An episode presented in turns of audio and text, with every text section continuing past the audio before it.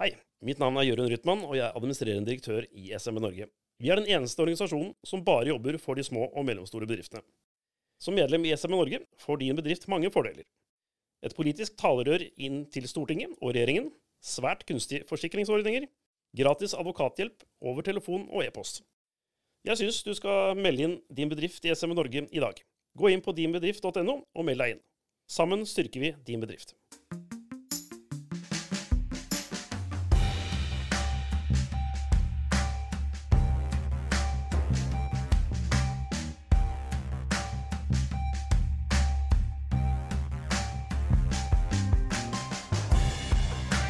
Hei og velkommen til en ny episode av SMB Norge-podkasten. Her i studio i Oslo sitter jeg, Klaus Jacobsen, med godeste Jørund Rytman. God dag, god dag. God dag, dag, Klaus. Du, du, er en mann som er glad i å lage litt opprør og liv? Litt rebell fortsatt. Kåret til eh, skolens rebell da jeg gikk på videregående, husker jeg. Ja, så, ja såpass. Så det er ikke uten grunn at det her tingene skjer, altså? Ja, da, starta jeg ungdomspolitisk parti, FPU, så Ja. det var kanskje en sammenheng. Ja, det er en sammenheng, da. Så da får jeg litt opprør eh, på vegne av næringslivet òg. Ja. Nå er vi lei. Nå er vi lei. Ja, nei, det er altså næringslivsopprøret vi snakker om her, da. Bare sånn kort før vi kommer i gang, da, for vi har et par gjester. Og hva, eh, why? Hva skjer? Hvorfor? Ja, det, har jo eh, vært eh, gått over en års tid eller to hvor vi har bygget opp frustrasjon. Eh, Vi så det under eh, koronaen og koronarestriksjonene, hvor eh, store deler av norsk næringsliv ble glemt. Og så er det jo eh, Syns flere av oss at politikerne har mindre og mindre fokus på, eller forstår ikke næringslivets hverdagsutfordringer. Mm.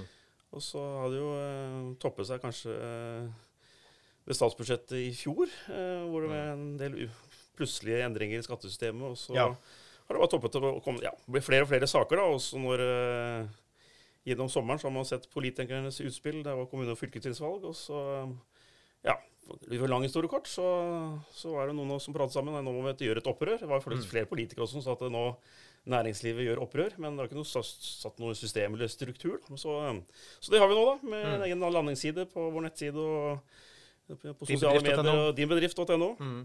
Og eh, ja, fått en bra kickstart. Og jeg tror vi Eller jeg jeg tror, jeg vet. Flere Jeg hundre for mange eh, med oss. eh, Og, eh, så det ble lagt lagt merke til. Og så tror vi selvfølgelig at det da ikke bare blir lyttet til, men at det skjer noe. Eh, også om det så bare om det tar noen uker eller måneder, eller kanskje to år. Kanskje der vi må bare ha fokus på dette her helt frem til stortingsvalget i 2025. At Ja. vi, vi får flere næringslivsvennlige politikere inn på Stortinget. Mm. Eh, Og kanskje så vi også prate om at vi får noen politikere som faktisk har bakgrunn fra næringslivet. Og det å Mm. etter hvert være en bedriftsleder eller eier eller gründer. Mm, mm.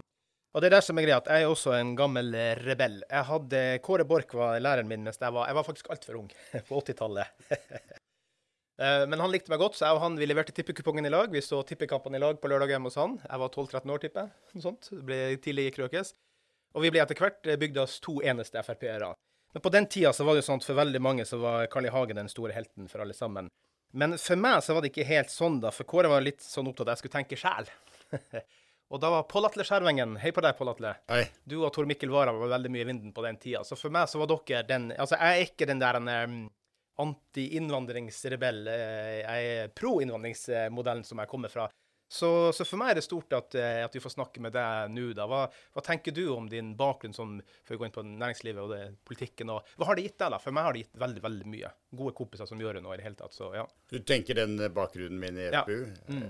Eh, Jeg, jeg tenker at det viktigste nå er at eh, det vi sa den gangen vi startet eh, det liberalistiske opprøret, det har jo dessverre slått til, nemlig at eh, staten har vokst ut av proporsjoner. ja.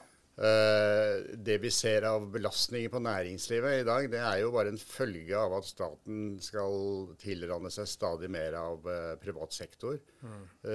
har stadig større inntekter. Man må finne inntekter hvor man enn kan finne inntekter for å finansiere denne enorme staten, eh, offentlig sektor. Og, og eh, i så måte så har jo verden gått, eller Norge gått i feil retning i forhold til eh, hvordan det så ut da vi fikk vind i seilene. Så så det ut som vi skulle reversere denne skadelige utviklingen. Nå har det blitt verre enn noensinne. Fordi vi har bloddopinga. Vi har jo oljen. Den kan jo Ja, dope kan oss si. for mye. Ja. Men, men, men eh, det det ikke snakkes om noe særlig i Norge, det er jo at uh, samfunnet drives jo av næringslivet. Altså Det er jo privat sektor som holder liv i offentlig sektor. Og når, eh, når privat sektor blir tilstrekkelig svekket og offentlig sektor blir tilstrekkelig stor, så blir det et, eh, en ubalanse her som Ja. gjør at uh, privat sektor kveles.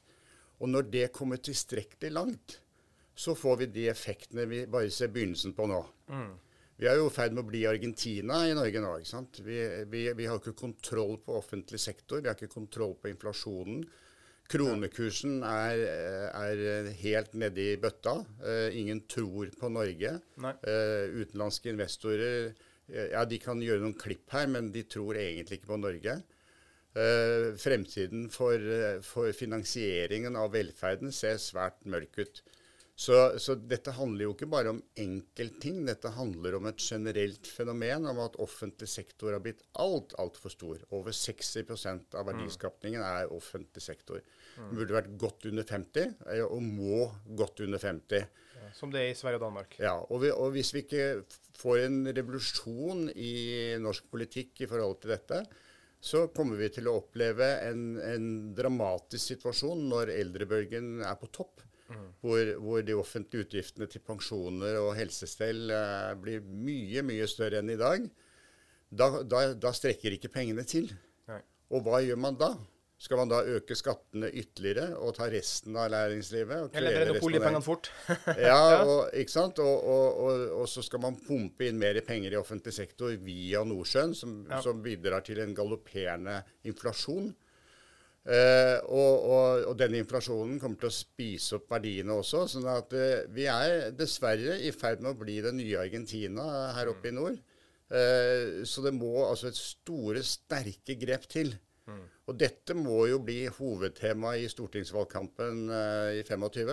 Ja. Eh, ikke hvordan vi skal fordele godene, men hvordan vi skal skape eh, større velferd, velstand, og, og sånn sett kunne etterpå snakke om hvordan godene skal fordeles.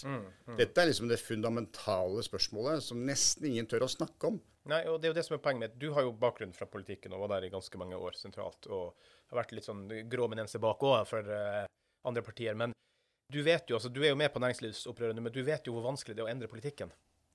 Hva, kan man i hele tatt forhåpe å få til? På, og, det, for all del, opprøret trengs, forstå meg, men det, jo, det, er her må være en tøff oppgave. Ja, altså du, du må gjøre som i en bedrift. da. Eh, Hvis du har feil folk som ikke klarer å skape verdier, så må du bytte ut folkene. Og vi har feil folk på Stortinget. Fra alle partier, egentlig. Vi har folk som har vokst opp i partiene. Vært broiler i partiene, i organisasjonslivet og jobbet i offentlig sektor. Vi har jo nesten ingen med næringslivsbakgrunn på Stortinget. Vi, vi har knapt folk som vet hva en bunnlinje er. Ja. Altså folk, vi, vi har ikke folk som har erfaring fra den sektoren som holder liv i hele samfunnet. Eh, og det må vi jo faktisk Vi må starte der. Så jeg tenker at det viktigste nå, det, det blir nominasjonsprosessen foran stortingsvalget i 25. Og påvirke alle de politiske partiene til å få inn folk fra næringslivet. Ja, Der kan næringslivsopprøret kanskje være med å påvirke og prøve å pushe ut. Uten tvil. Ja, jeg håper det. Ja. Jeg håper at det blir effekten av det. Fordi jeg må innrømme at jeg tror ikke noe på å påvirke de som sitter der nå, i tilstrekkelig grad. Altså Vi kan sikkert endre på småting, og det kan være viktig nok, det. Men for å få det der store skiftet i mindset, så må man bytte ut folk, rett og slett. Ja. Og så Palmer Group, du driver jo med vinimport Ja. i reguleringslandet Norge. ja. Det er vel ikke så veldig lett og enkelt det heller? Eller er det det kanskje det? Nei, det er jo ikke det. Fordi vi, er jo, vi er jo et offer for ekstreme avgifter og Ja. konkurransevridning mot eh, nabolandene våre, f.eks. Ja. Du så jo det på under pandemien. Når, når, når grensene mot Sverige ble stengt, så økte jo vinmonopolomsetningen med 40 ja. i volum. Så, så det viser jo hvor stor grensehandelen er. ikke sant? Bare pga. at vi har høyere alkoholavgifter enn svenskene, eh, og mye høyere enn danskene, og mye høyere enn resten av Europa. Ja, problemet er at da handler det jo masse mer. Du drar ikke dit bare for å kjøpe spriten. Du Nei, kjøper jo ost, du kjøper jo mat, sant. du kjøper jo kjøtt som kunne vært kjøpt her. sant? Og så er det jo, vi, vi er jo også offer for eh, reklameforbud. Da. Vi får jo ikke lov Ja. å snakke om produktene våre. Så det er klart det er, det, er, det, er, det er en tøff bransje å jobbe i. Men, eh, Men vi klarer oss jo forholdsmessig greit, da. Det vil jeg si. Mm. Eh, Jeg har jo vært i denne bransjen her helt siden oppstarten i delingen av Vinmonopolet i 96. Ja. Uh, vært med på alle fasene. Fått inn dette bestillingsutvalget, som jo er et eventyr for konsumenten. Altså, da Vinmonopolet var et komplett monopol, så var det under 1000 varelinjer tilgjengelig. Nå er det 30 000 varelinjer tilgjengelig eh, Ja. pga. konkurransen mellom importørene. da, ikke sant? Ja. Eh, så det er jo noe positivt i dette her. ja, det må jo sies være positivt. Utvalget blir jo veldig svært av det, da. Det kommer jo folk fra utlandet og handler på Vinmonopolet. Ja da. Det... Ikke at jeg taler for et monopol, det var poenget mitt, men det produktet er greit. Nei, ja, det, som er, det, som er, det som er bra med Vinmonopolet, er at det er ikke et tradisjonelt monopol, fordi det er Nei. konkurranse på hele importleddet. Ja. Og vi gjør jo basically alt, bortsett fra å selge liksom, holdt på å si, over disk, da, altså Ja. i butikk. Eh, vi tar jo varene inn til landet, vi fortoller de, vi lagerfører de, og vi kjører de ut til, til alle kundene våre, vinmonopol og restauranter. Og Ja. vi betaler alkoholavgiftene, så vi, vi gjør jo basically alt. Og det er 720 av oss, hvorav 100 kan du si er seriøse, da. Ja, ja, så bra. så bra. Eh, Morten eh, Wiese, du er jo også en av de som er med på næringslivsopprøret her, og du er jo da en eh, ja, det man kaller seriegründer. Men eh, Astrum Group er vel det du hovedsakelig fokuserer på nå. Eh, Men du, du gjør vel de tingene som alle burde gjort nå, er ikke det miljøsatsing? Jo, det, det kan du si. Og mm. vi driver med eh, resirkulering av, plast. eh, Kjemisk resirkulering av plast. Og, eh, eh, og det er kanskje eh, litt synd å, å si at vi, eh, vi har jo eh, eh, ikke vurdert Norge som aktuelt i, i denne sammenhengen. Så vi, vi bygger eh, disse fabrikkene i Spania. Ja, det var det jeg leste meg opp Det er Spania-greia. Ja, og det er jo rett og slett fordi at rammebetingelsene er bedre i eh, Europa. Europa har større fokus på disse, dette området. Det er, eh, det er større driv i det europeiske markedet med European Green Deal og, og dette her. Ja. Og, og, eh, eh, og ikke minst bedre rammebetingelser og enklere å, å drive i, i det spanske markedet. Så Derfor så har vi valgt eh, Spania. Og det er ikke helt tilfeldig. Vi har en nordmann som utvandret til Mallorca, som er en av co-founderne i selskapet. Han bygget opp en beslektet fabrikk eh, der eh, og har drevet den i ti år. Og det er det vi har som utgangspunkt da, for å satse på, eh, på plastresirkulering i, i europeisk markedet. Ja, Men ville du initielt sett hadde ønska å få gjort noe i Norge òg, eller blir det rett og slett, speaking of næringslivsopprør, blir det for komplisert, blir det for mye byråkrati, blir det for dårlige løsninger? Hva, hva tenker du? Ja, vi skulle gjerne ha, ha gjort eh, noe i Norge, og vi har også forsøkt. Altså, vi, har, eh, vi har tatt de nødvendige telefonene, snakket med de respektive. Du har eksempelvis eh, satsingen Green Spot eh, Mongstad, Ja. eh, hvor man ønsker å gjøre grønne satsinger på Mongstad eh, og utnytte det, det tomteområdet der. Det er positivt, men vi opplever vel at Eh, det er ikke nok driv i, i de eh, prosjektene. Det er ikke nok vilje. Og hvis du snakker med de store Nå skal jeg, være forsiktig med å skyte på noen her, men hvis du snakker med de store norske, kjente industrivirksomhetene Ja. eh, som tradisjonelt eh, eh, har holdt på og holder på med olje og energi, olje og gass, så, så opplever vi vel at eh, eh, det er for liten vilje til å være med over i det grønne skiftet. Ja. ja. Og innovasjon, teknologi Jeg er jo innovasjonsoptimist. Jeg har jo ikke tro på politisk styrt eh, grønn fremtid. Jeg har tro på å fjerne politisk styring, sånn at alle kan bare, bare, bare kaste en vill idé. Si at eh, du har ulike næringskoder som jobber med miljø. Altså full skattefrihet i ti år bare for å komme i gang. Det er veien å gå, mener jeg, og da skal politikerne bort og vekk. da. Men eh, altså at man skal overkomplisere og gjøre at det, det er jo nesten ikke mulig å starte, for det, det er tøft å starte med hva som helst i Norge. Ja. Ja, jeg, synes, eh, jeg så på en, eh, et intervju med Elon Musk her eh, om dagen. Og, Mm. og eh, det, det var litt interessant, for han eh, beskrev hvordan det var å starte virksomhet, og hvordan det var å være en eh, daglig leder i en oppstartsvirksomhet. Ja. Og han sa det at eh, det er som å stå og kikke ned i avgrunnen mens du spiser knust glass.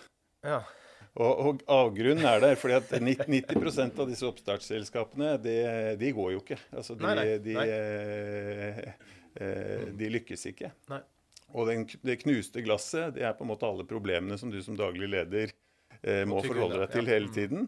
Og et av dem er jo selvfølgelig skatteproblematikken og alt dette her. Og, og når du da eh, har tatt på deg det ansvaret da med å starte virksomhet, og, og du står over denne avgrunnen, eh, så ønsker du jo minst mulig knust glass. Ja. Eh, eh, og, og sånn som myndighetene holder på nå, så fôrer de deg bare med mer knust glass.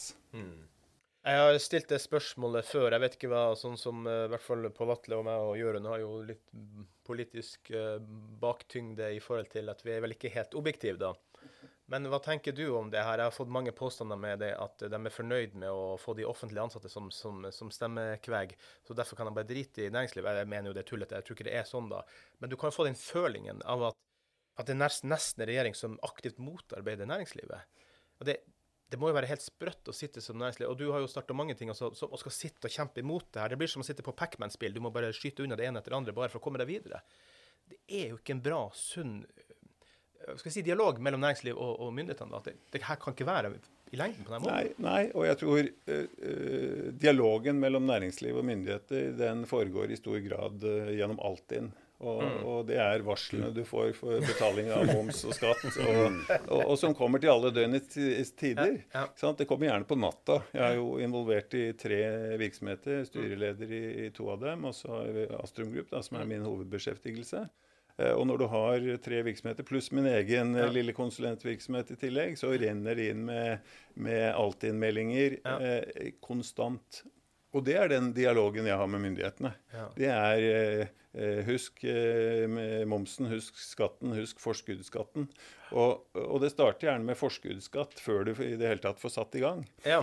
Jeg har en, egentlig en litt morsom historie rundt det der med å starte virksomhet i Norge. For en venninne av meg for noen år siden som, som eh, eh, jobbet i et advokatfirma. Og så drev hun og bakte litt sånn cupcakes på siden. Og okay. så så hun hun fikk stor avsetning for disse cupcakesene. Det ble veldig populært i, i, i forskjellige arrangementer. Så hun ønsket å starte en liten virksomhet ut av dette her. Så tenkte ah, hun får, får bra respons på, på eh, sin lille private virksomhet. Og så startet hun opp, da. Mm. formaliserte dette og begynte å produsere i litt større volum. Det første som møtte henne, det var forskuddsskatt på 60 000 kroner. Før hun hadde kommet i gang med virksomheten. Da skal du selge mye cupcakes eh, til naboene. For det, Ikke sant? Og det er litt, sånn, det er litt ja. betegnende for hvordan eh, myndighetene Ja. behandler næringsdrivende i dag. Det, det, det, det, serveres knust glass, eh, som Ja. jeg sier, istedenfor å på en måte, bære med på å bygge opp under eh, de initiativene som kommer. Og, og ikke rykke opp avlingene med roten, men uh, vanne dem og pleie dem og få det til å bli uh, store virksomheter. Det er for mye statlig overinvolvering, det er for mye planøkonomi. Ja. Og det uh, fører jo også til at disse virksomhetene ikke skalerer på en ordentlig måte. Nei, den blir hindra. Og, og speaking of det, Jøren, med, som Morten inne på, det med skattepolitikk, da. Fordi at uh, Vi har snakka så vidt litt om statsbudsjettet her for noen episoder siden. Og da kommer jo regjeringa med en såkalt økonomisk plasterlapp, som jeg kaller det. Fordi de skulle satse 220 millioner ekstra på, på gründervirksomheter. Men Kjell Inge Røkke alene betalte 150 millioner eller noe sånt til Asker kommune. Han er én mann! Han er én mann. Hvorfor ikke bare forstå hva som er den rette, riktige politikken for å, at man skal investere, for at man skal bygge videre, og så for at man da skaper arbeidsplasser? Når Røkke nå etter hvert, sier han bor i Sveits i tre-fire år, hvor begynner han å investere? I Sveits. Hvorfor er det ikke bare å få den dialogen til å Eller hvorfor er det så vanskelig for dem å forstå oss? Ja, nei, det er, er et godt eksempel på eh, Selv politikerne. Det var noen som fikk noen kommentarer på, i vandrehallen, eh, til fra en statsråd eh, som driver med næringspolitikk, som var litt uh, irritert, da, fordi vi i SB Norge var litt uh, for negative til statsbudsjettet. Eh, men men um, han og flere syntes vi burde være kjempefornøyde, siden å viste til disse Ja. to- litt over 200 millionene som Invasjon Norge fikk, Yes. som skal dele ut til gründere. Men Ja. liksom det er liksom Man tar et par milliarder, og så skal man dele ut eh, noen kroner. Så man eh, Man blir jo eh, man, Ja, virker det mangel på virkelighetsforståelse hvor, eh, hvor, man, hvor eh, næringslivet sliter. Eh, Ja. At man blir sånn søknadssamfunn. Jeg vet om noen av de raskest voksende bedriftene i mitt nærområde. De driver med søk, skriver søknad for gründere. Ja. Eh, så, så det er jo eh, Det er jo like før jeg vil kalle disse politikerne eller for komiske Ali. Hvor, eh, hvis vi husker Nothing den fra going on here! Irak, Nothing eh, going on here! man kan kanskje få tegne et bilde hvor man ser gründere og investorer flykter i bakgrunnen. Mens Ja. nei, nei, det går så bra i norsk næringsliv. Men, eh, det, og det går jo bra på mange områder, men visse bransjer sliter jo mer enn andre. Og så er det der eh, at den risikokapitalen som Norge og gründere trenger, de, de forsvinner bokstavelig talt ut av Norge. Ja. Eh, Så kommer det selvfølgelig noen utenlandske investorer som ikke betaler formuesskatt, men, eh, men det er jo ikke egentlig villet politikk, det heller. Nei. Pål Atle, altså, jeg snakka med en god kompis her om dagen som driver med byggevarehandel. Og så spør han, for at jeg har en annen kompis som jeg skal prøve å få som medlem i SB Norge, som jeg var på tur med for noen uker siden. De driver med sånn stillasgreier. og Nei, de har fortsatt takket nei til oppdrag, dem da. Men jeg mistenker at det er fordi de er på lange oppdrag. Mens han eh, kompisen min som driver med trevarehandel, har 40 ned nå. Og det han sa til meg, var at i stedet for å kjøpe golvlista til 18 kroner, så tar folk den til 10 nå. Mens de som virkelig har, og de tar fortsatt den til 23, så de bryr seg ikke. Men for deg, da, som driver nå med vin, og hvis vi slutter å gå ut nå altså, Og det her er jo det som makrotallene ser så flott ut, sant, for Equinor og alle de her, Norge som bare gasser på. Men, men vi kan jo ende i et raseri for eh, jungelen under. Sorry, det var ikke meningen å kalle vinene di jungel, men du skjønner hva jeg mener. Ja, men det er, jo, det er jo det som skjer nå. Det, det, det ser jo vi også, at, eh, at folk eh, slutter ikke å drikke vin eller slutter ikke å kose seg, men de, de sparer penger på alt de kan spare penger på. sånn at eh, Snittprisen på en flaske vin går uh, ganske betydelig ned. Og, og, Har du sett det allerede? ja, og Ja. restaurantene sliter jo, altså de fine dining-restaurantene sliter jo. Senest nå for noen dager siden så ble jo denne Slegegården lagt ned på, på Lilleaker f.eks. Har vært, ja. vært i drift et par års tid bare.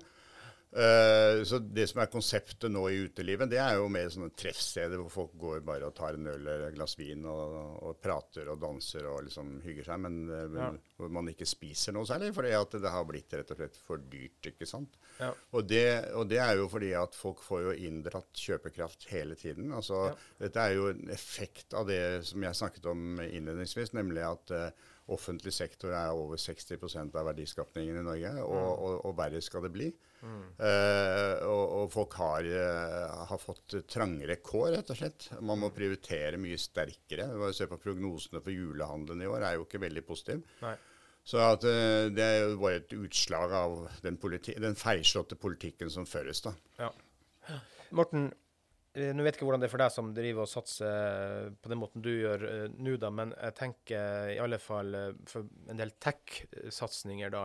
For vi satt jo også og hadde forhåpninger for statsbudsjettet at regjeringa hadde forstått at den ekstra arbeidsgiveravgiften på over 750 Jo, de forsto, den ble for dum. Den ble ikke riktig. Og det var jo kronidiotisk, det er lov å si for en finnmarking. og så et par dager i forveien så fikk ja, nei, den, den forsvinner. Nei da. Det var en dag etterpå så nei, vi skal ta den på 1 million. Nei, så ble det 850 i stedet. da. Men hvis du driver i hvert fall tech-industri, da, så må du fort ha ingeniører på en mil bare for å få rundt. Jeg vet ikke hvordan det er for deg. Er det Jo, det, samme, det er det samme. Jeg er også involvert i tech-virksomheter og har jo vært involvert i tech-virksomheter i over 20 år. Mm.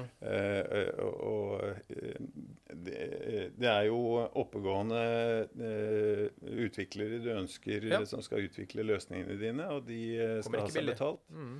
Eh, Dermed så slår jo dette rett inn på nyskapningen, der man ønsker en smart nyskapning. Mm. Fordi eh, eh, du må ha smarte folk for å utvikle smarte løsninger, og de Mm. skal, eh, ja, de skal ha seg betalt.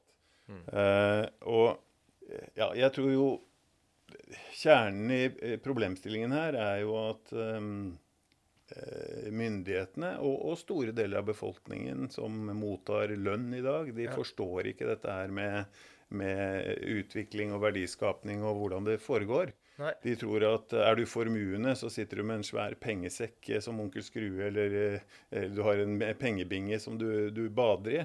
Du har ikke det. Du har eh, disse pengene bundet opp i forskjellige typer Gangsterrapperne gjør det, da, men det er ikke representativt.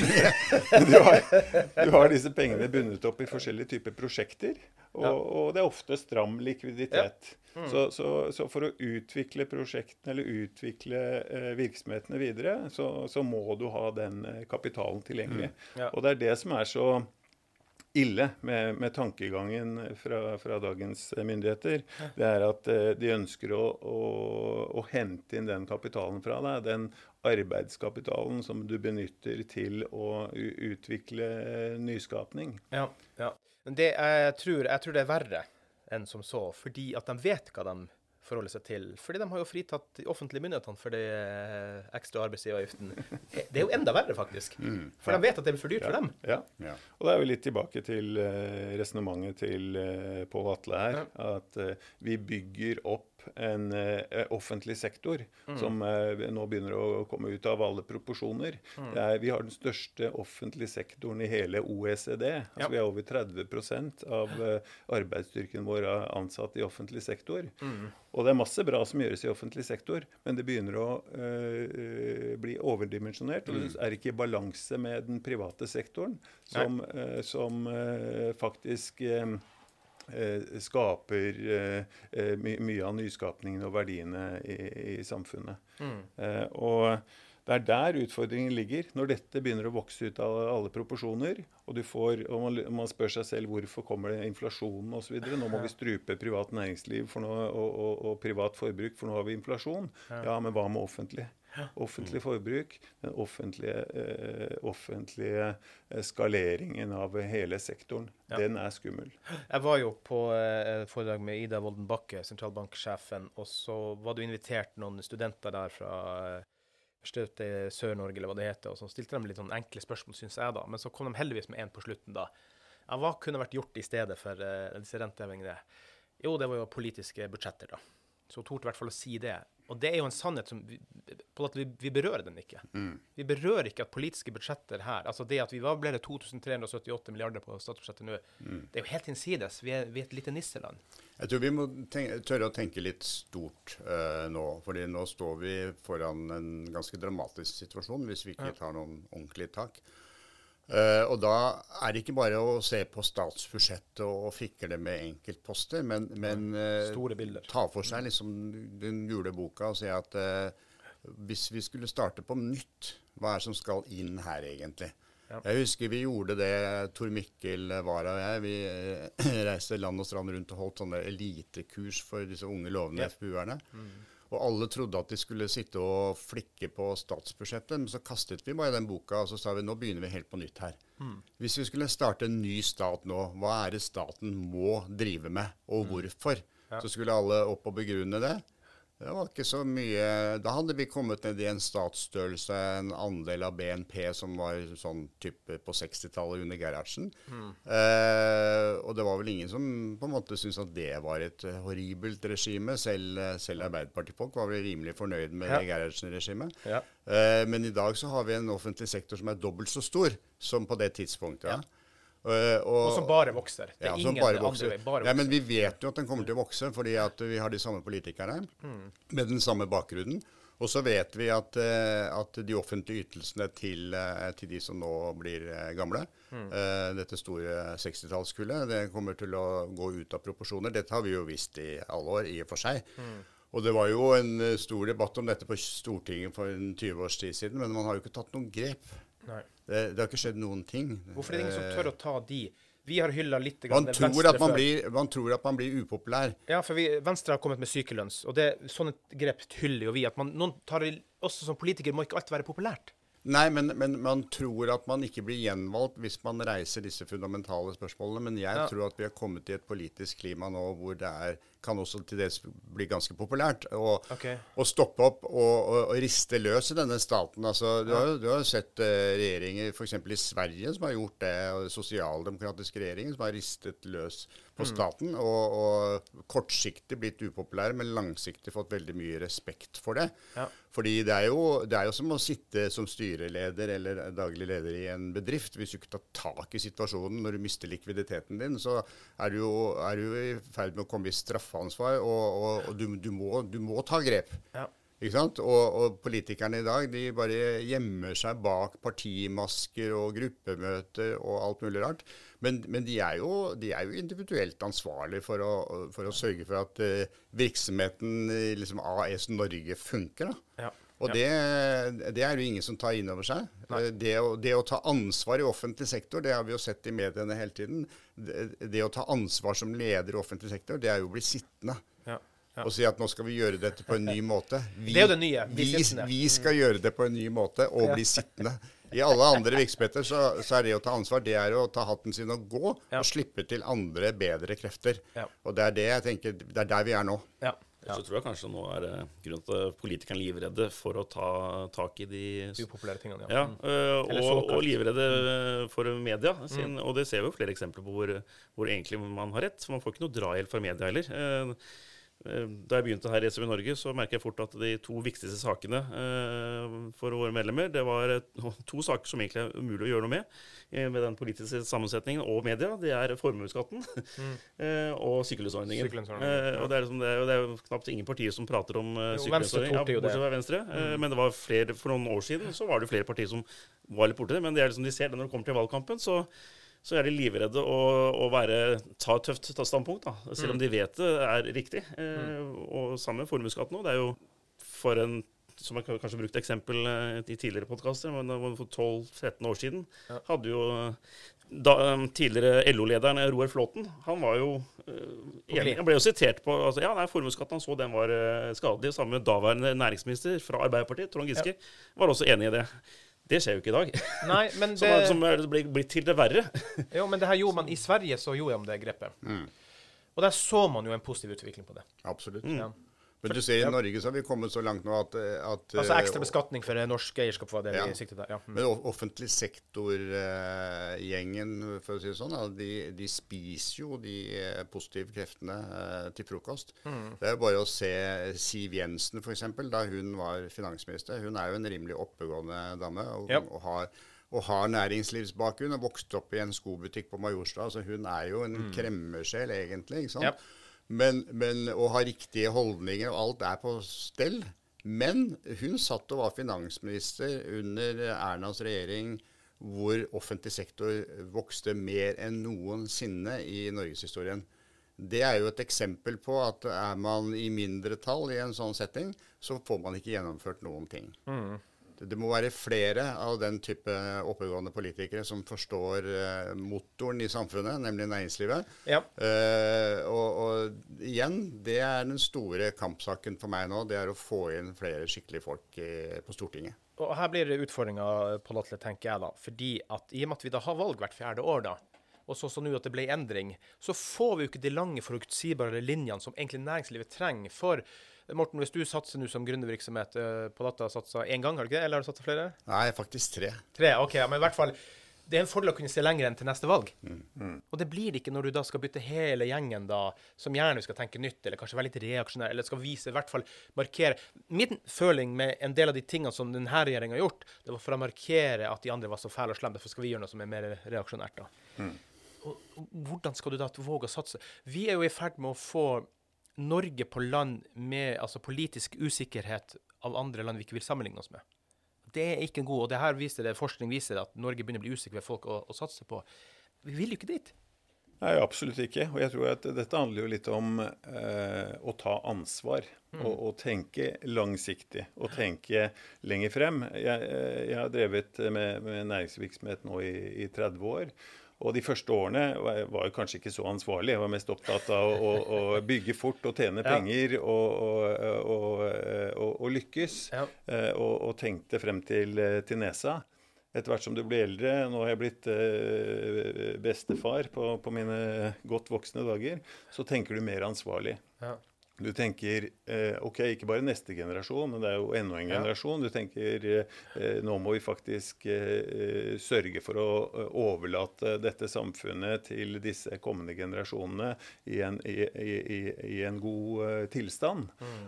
og den langsiktige tenkningen, den trenger vi også inn i politisk styring. Eh, og, og, det er klart det er veldig lett å tenke fram til eh, neste valg, og det er veldig lett å, å tenke på uh, hva, er som, hva, er, ja, hva, er det som, mm. fungerer for dagens stemmekveg. Ja. Men eh, politikerne må ta mer ansvar og tenke lenger frem enn som så. Fordi Eh, hvis ikke, så er, er, det litt som, eh, som Pål Atle sier her. Vi er i ferd med å bli Argentina, kanskje Venezuela. Vi ja. går i helt feil retning. Ja. Og Eh, og eh, da vet vi ikke hva, står, hva, vi står overfor. Nei, og det er jo sånn at Selv om du kommer inn som ny minister, og du er fra Arbeiderpartiet, og det her er litt det dumme ved det politiske spillet, så må det ikke være sånn at du skal bare automatisk tenke at alt det den forrige høyreministeren gjorde, det, alt var gærent, alt var feil. Du, du, du, det er ikke sånn at du taper en anseelse, mener jeg, i hvert fall blant oppegående mennesker, på at du nå må forandre alt. Fordi, fordi liksom, det er nettopp med de lange, forutsigbare linjene her. Uh, Jørund, det er jo flere ting i det opprøret. Det er bl.a. ekteskatten på norsk eierskap. Det er jo liksom litt det vi toucher her da. Hvordan skal vi nå frem? Nå ja, nei, altså, det er jo flere spor her, på å si. Vi, vi forrige uke så var vi jo på høring på Stortinget. Det er den, den, den årlige seansen, på å si. Men, eh, så det er jo, I det spillet? I spillet der, ja. Eh, Men det, det er, eh, og noen ganger så blir vi hørt òg. Altså, Ja. men, men det blir jo de små dryppene. Det blir Mm. ikke det store opprøret. Og derfor vi bruker det begrepet òg. At vi, vi må få en ny en endring og tankesettet. Så det, det er jo å påvirke politiske programmer og hvem som faktisk skal representere oss. Ja. Og det håper jeg det er ikke mot politikerne, men også til våre medlemmer og, og de som sitter i over 600 000 eh, bedriftene i Norge. At de bør kanskje eh, ta en for laget og stille til valg selv. Eh, Det er, eh, det, man ser jo det at det, det er ikke noe stort engasjement i politiske partier heller. Altså, når du er på et årsmøte i et mellomstor by, så er det ikke akkurat flere hundre til stede på et årsmøte der som Nei. stiller til, til disposisjon. Så vi må kanskje mobilisere næringslivet selv også, og mm. motivere dem og si at nå er det på tide at eh, det tar en for laget. Eh, jeg har jo gjort, hatt noen år i, både kommune, og styre og Stortinget. Mm. jeg har gjort min plikt, men selvfølgelig jeg brenner fortsatt for næringslivet. Men, mm. Men du gjorde det det da òg, motivere våre bedriftsledere. Det, Du gjorde det da òg, i posisjon. Du var jo veldig næringslivsorientert. Ja, eh, selvfølgelig. ja. Takk. Ja, ja, men du var jo det. Jo, men, men man føler seg veldig alene, da. Eh, Ja. Dessverre. Det, Ja, det, og, det, det er akkurat det Jørund sier. Jeg føler jeg alene. Han Ja. setter i gang et næringslivsopprør. Men jeg tror mange eh, slutter, seg, slutter opp om dette næringslivsopprøret. Eh, men da må vi også si fra at ja, vi er, vi er enige at nå bærer det galt av sted. Mm. eh, flere må mobilisere og si fra og slutte å, være med og, og, stille opp om, om det næringslivsopprøret. Jeg har forsøkt eh, gjennom de siste ja, ti årene kanskje å, å skrive litt kronikker i, Ja, i, annet, ja. Mm. Og, og, og, og det er jo fordi at jeg, jeg blir opprørt. Eh, Ja. Og, og hver gang jeg blir opprørt, eh, så, så skriver jeg. Og så, og så har jeg heldig, vært heldig og fått publisert en del av det jeg skriver. Men det går jo på dette temaet. At eh, jeg er bekymret for hvor norsk næringsliv beveger seg. og jeg er bekymret for Norge som, som land og, og vår fremtidige økonomi.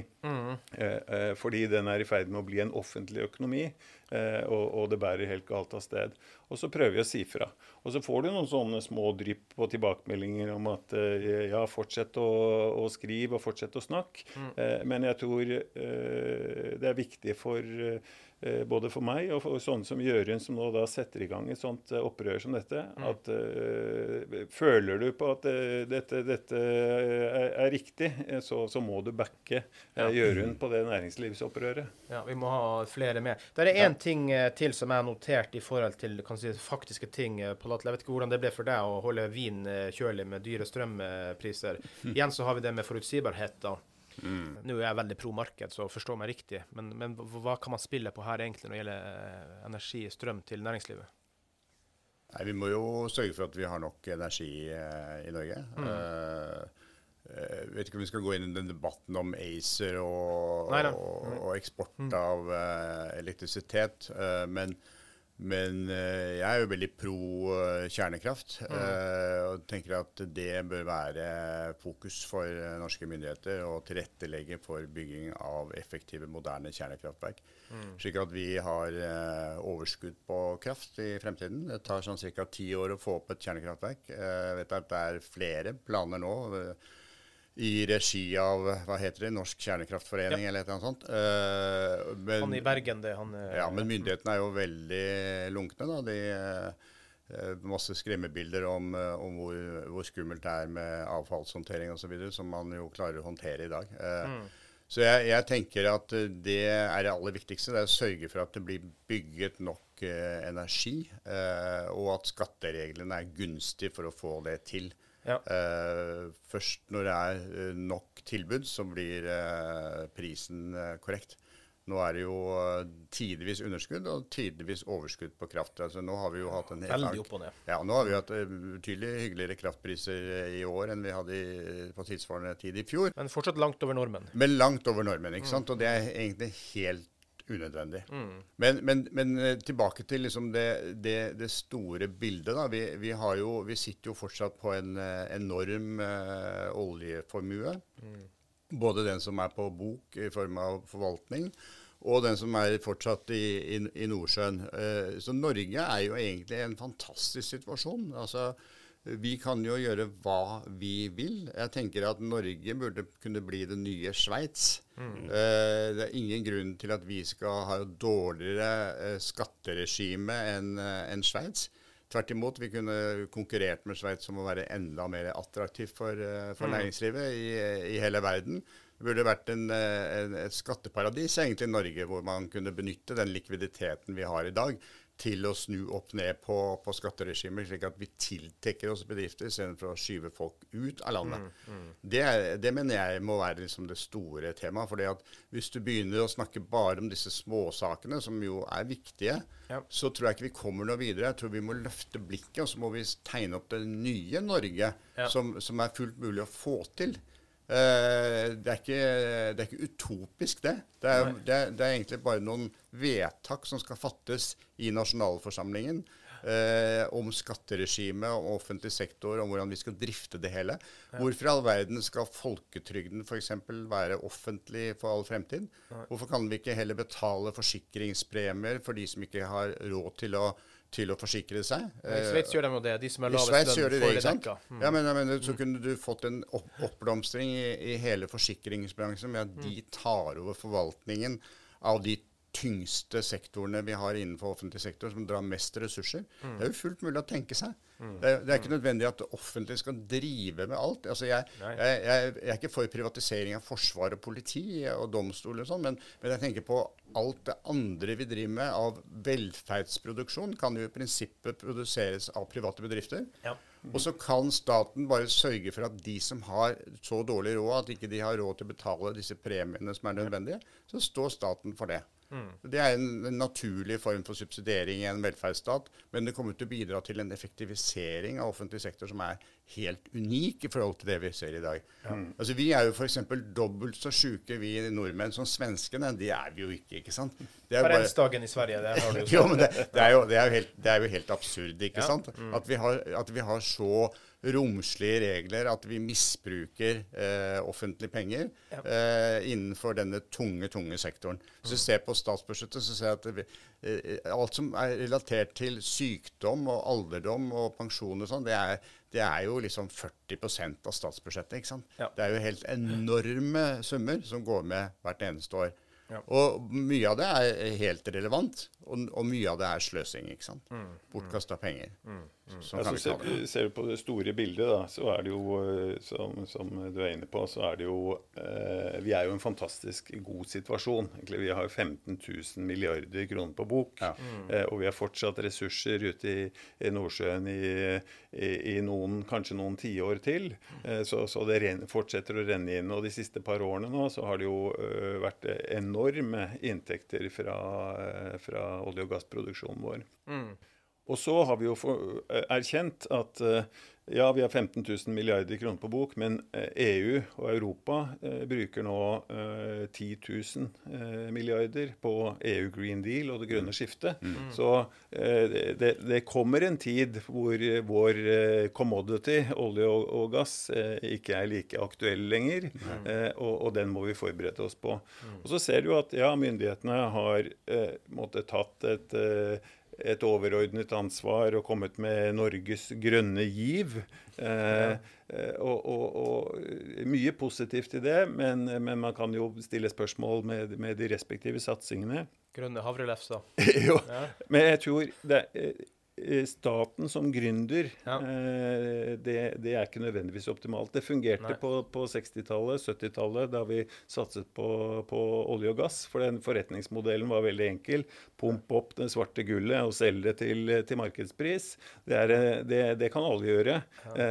Men i dagens marked med så høy kompleksitet innenfor det grønne skiftet, så er det mye mer komplekse forretningsmodeller. Helt andre eh, lønnsomhetsestimater på, på de grønne satsingene.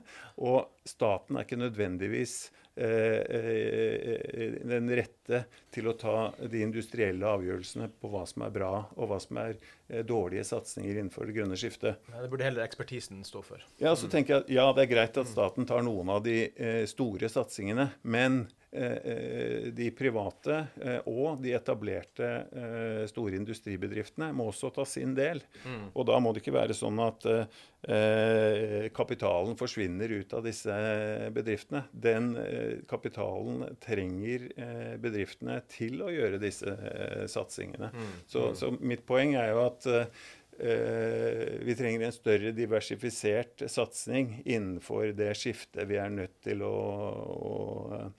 Gå inn i. Mm. Eh, og, og, den satsingen må være eh, delvis privat, i stor grad privat. Mm. og så kan staten få lov til å ta noen sånne store hovedlinjer og trekke noen linjer. men, men Eh, det må ikke være sånn at vi struper de private satsingene for at all kapitalen skal inn til staten, som skal leke gründer. Ja, og, og videre, viderefordele der. Og så må, må, privat må bli et hedersord. I dag så er det et skjellsord i mange miljøer. Ja.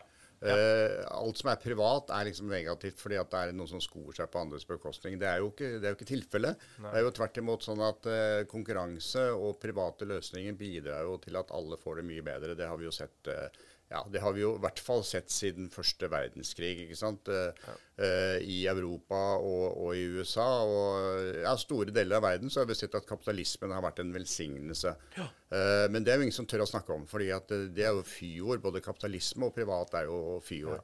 Men bare se på den lille sektoren ja, men bare se på den lille sektoren jeg driver i. Da. Det er jo sånn, eh, Frem til 1996, da, fra forbudstiden ja. 1922, så så hadde jo Vinmonopolet komplett monopol da, fra kjellerdøren til produsenten og helt frem til konsumenten. Ja, Du måtte frem til skranken, og, ja, og, var, bra, så måtte ja. bak og lete frem til deg. Ikke sant, og Det var jo, det var jo dårlig tilbud, ja. og Vinmonopolet hadde dårlig anseelse. og Det var jo ganske trist alt sammen. ikke sant? ja, ja, Etter at uh, det ble åpnet opp for konkurranse på importleddet, så er det jo altså 720 importører som representerer 30 000 varelinjer på Vinmonopolet. Og, og Vinmonopolet vinner jo priser hvert eneste år. sånn i omdømmestatistikk som den beste faghandelen i, i, i Norge. Ja. Det er jo pga. konkurranse mellom private aktører. Ja. Og det òg er jo kapitalisme, så det er jo ikke så det fælt. Er kapitalisme. Det er ikke så fælt. Kapitalisme er jo, er jo den beste løsningen på alt, egentlig. Ja. Mm. Men, men, eh, det må komme på agendaen. Noen må tørre å snakke om kapitalisme og private løsninger på en positiv måte. Ja. Det syns jeg, jeg, aldri når opp, egentlig, i, i, valgkamper. Nei, det er sånn du må hviske det i bakerste benk. ja, du er liksom litt flau. og dette har noe med klimaskiftet å gjøre. Selvfølgelig. Ja. For da er du bad boy, da. Altså På Latterlig er en flott eh, ideolog, eh, Jørund. Det vet jo jeg fra før. da. Det høres ut som eh, Morten også har gode ideologiske tanker. Men det, det jeg hører nå her, da er at For vi, vi, nådde jo ikke helt frem med strømprisopprøret for bedriftene. Vi nådde jo faktisk ikke helt frem da. Må vi gå opp ett step up og gå på de store bildene? Er det der vi nå må kjempe på vegne av norsk næringsliv for å få endring i de store tankene? Skatt, kapitalisme, tankegang, prosess, whatever. Hvor må vi gå? Ja, nei, det, Vi kommer til å sikkert prøve å feile litt. og vi får se hvordan eh, responsen blir eh, ukene fremover, eller mm. årene fremover. Men, mm. Eh, men, vi må jo selvfølgelig trigge avisen også. Altså næringslivsjournalister må jo også skrive om dette her og, og ja. virke, virke, interesse. Altså jeg føler jo til og med vi vi har egentlig noen ganger, føler jeg som uh, Unnskyld Dagens Næringsliv, men mm. til og med Dagens Næringsliv er jo liksom noen ganger på lederplass, og som de virker som ikke de forstår eh, hverdagen til næringslivet. Eh, ja. Så liksom til og med den som skulle vært toneangivende og egentlig kanskje dratt i gang dette opprøret her, føler jeg noen ganger er imot oss. ja, altså bare, bare, bare perspektivet med f.eks. la de stikke, og de levner oss i stikken, sånn som Måseide nå, som dro for noen uker siden. Det er jo for å verne bedriften sin. Hvorfor er ikke det i media? Hvorfor kommer det ikke i media? Det er for å beskytte sin egen bedrift for å ikke tappe ut penger. Hvorfor er det bare det ene fokuset? Det er utrolig provoserende å la det bli som et narrativ. Det er ingen som stikker bare for å stikke, det er for å hjelpe sin bedrift. Hvorfor er ikke det fremme? Hvorfor, ikke det sånn, hvorfor kan man ikke tenke to tanker her samtidig? Nei, men det henger vel sammen, dette her. Fordi eh, det er jo blitt en sånn lullekultur i offentlig sektor-tankegang ja. i hele samfunnet. Og det, det gjennomsyrer jo journaliststanden også. Ja. Eh, jeg har ikke sett noen nye tall på det, men jeg husker for noen år siden så, så var det jo så var det jo statistikker som viste at eh, 90% av journalistene stemte uh, ja. SV og Arbeiderpartiet. liksom. Mm. Altså, det, det, er jo ikke så mange næringslivs- og kapitalist eh, kapitalismevennlige journalister i Norge. Nei. Eh, Men de er- er glad i iPhones for det. Ja, ikke sant? Så de, de bru, alle bruker liksom de tilbudene som Ja. finnes, men det er ingen som på en måte står opp for de verdiene. Nei. Fordi kapitalisme blir sett på som et, eh, som utelukkende som et økonomisk system, men det er jo Ja. først og fremst et moralsk aspekt ved kapitalisme. Bringer folk ut av fattigdom, faktisk. Ja, og, og det, det var jo en periode hvor, hvor uh, Civita gjorde en fantastisk De gjør selvfølgelig en fantastisk jobb hver dag uh, nå også, men, men hvor de klarte å flytte debatten en god del. Ja. Eh, litt sånn som vi i FPU gjorde på, på 80-tallet, så, så fortsatte Civita for en tiårs tid siden. Ja, Hvor også Johan Nordberg er en stor forkjemper. ja, dag dag. og, men, men nå, nå virker det som det går litt i det vante sporet, og det er ingen Ja. som hører etter lenger. Eh, så nå trenger vi et nytt opprør. Ja. Og Det er mulig at det er det næringslivsopprøret i eh, SMB Norge som blir det nye opprøret. Det, vi, får, vi får fyre opp under det som best vi kan alle sammen, Ja, eh, og få skikkelig fart i det. Ja. ja men vi, poenget er at vi trenger vennskapelig sett noen mer på lag. da. Og Mm. hvem skal vi lobbyere mot? Hvem skal vi få på lag for at det her skal bli en, bredere patrulje? da? Nei, igjen så tror jeg at den viktigste jobben dere gjør i foreningen, det Mm. er å sørge for at eh, medlemmer som er oppegående, og det formoder jeg at alle er, at de går inn i politikken og sier at nå skal vi ta en periode på Stortinget. Nå skal vi, Mm. nå skal vi kjempe oss frem til en plass på stortingslistene til det partiet. Men altså, det spiller ikke noen rolle for meg hvilket parti det er, egentlig. Bare, bare det er folk med riktige holdninger og riktig erfaring som går inn i politikk og lar seg nominere og kommer inn på Stortinget i 25. Bare vi får inn liksom en tredjedel av stortingsrepresentantene som har noe som helst forståelse for hva Ja. næringslivet Vi har jo hatt. Arve Juritzen her. Han gjorde det. Han Ja. gikk jo inn nå pga. frustrasjon av næringslivsutfordringer. han er et veldig godt eksempel. Så får vi flere sånne, så skal du se at det blir en helt annet klima. Mm, mm. Hva tenker du, Morten? Vi skal gå inn for landing, men hva tenker du, eh, hvordan skal vi få det her til å bli eh, større enn oss sjøl, da? For det trenger vi egentlig.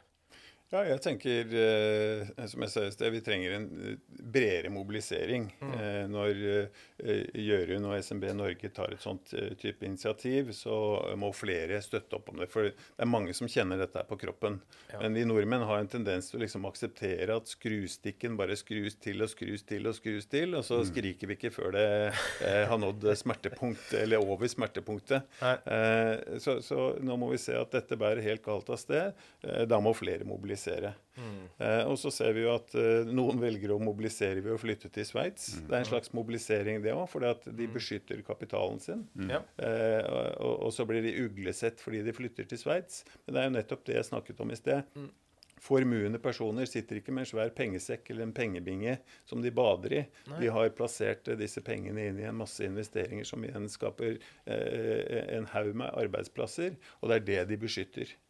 Og eh, jeg syns det er en litt sånn interessant parallell. Du har eh, eh, denne boken eh, 'Atlas Shrugged', eller yep. 'De som beveger verden', som yep. hun eh, Ayn Rand. Rand skrev i 1957. Eh, og, og det er Så han var måte- ideolog? ja, ja. Og, og hun var jo en, en, en sovjetisk flyktning som da bodde Ja. i USA. Mm.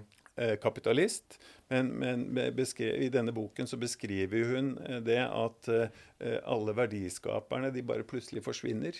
Én etter én så forsvinner de, og til slutt så bryter samfunnet sammen eh, fordi eh, de gode skaperne forsvinner. Og, og jeg syns det er litt sånn skremmende parallell ja, til det vi ser i Norge i dag. Ja. Vi ser at de gode eh, verdiskaperne de forsvinner. De tar hatten sin og, og, og, og drar eh, til, til Sveits.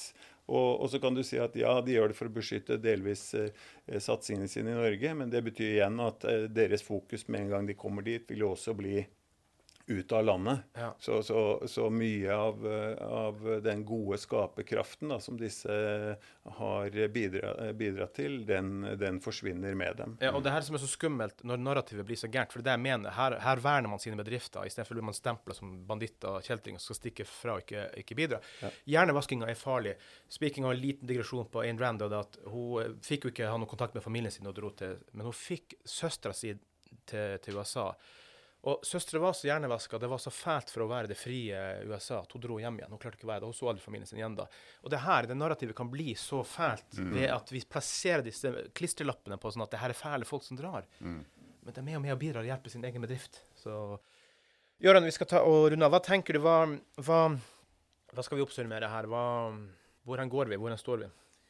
Ja, nei, vi, ja, vi fortsetter Rebell, eh, det vi har igangsatt. Ja. eh, Ut i alle flater på sosiale medier. Og, eh, og så vil vi snart så komme inn i en periode med årsmøter og i Mm. våre lokallag og regionlag i SM i Norge. Mm. Vi er jo sånn sett bygd opp som politisk parti, men da er det selvfølgelig fin anledning til å trigge de som møter opp der, til å bli aktive både i SM i Norge, men faktisk da Politisk. ta, eh, melde seg inn i politisk parti hvis de ikke allerede er medlem, og, og stille til valg. Eh, Mm. Og hvis ikke de kan av ulike grunner, eh, så påvirke sin, eh, sine politiske kontakter og de politiske prosessene og politiske, politiske partiprogrammene. Det er jo vel så viktig. Nå er det jo Neste år så begynner jo den eh, prosessen i alle partier. 2025 Så, runden, ja. eh, Mm. Det er viktig. Tusen takk, folkens. Vi setter stor pris på om dere går på dinbedrift.no. Gi oss femstjerners rating i Spotify og Apple Podcast. Veldig viktig i kapitalismens verden. Ta kontakt med oss med podkastmuseet et SMB Norge. På din bedrift så er det jo finner man veldig mye flotte fordeler. Mange medlemsfordeler. Og så selvfølgelig kan du også signere næringslivsopprøret på oh, dinbedrift.no hvis du ikke har gjort det allerede. Det er veldig viktig å gjøre. Tusen takk, Pål Atle. Tusen takk, Morten. Denne kampen vinner vi til slutt, gjør vi ikke det? Det gjør vi. Garantert. Absolutt.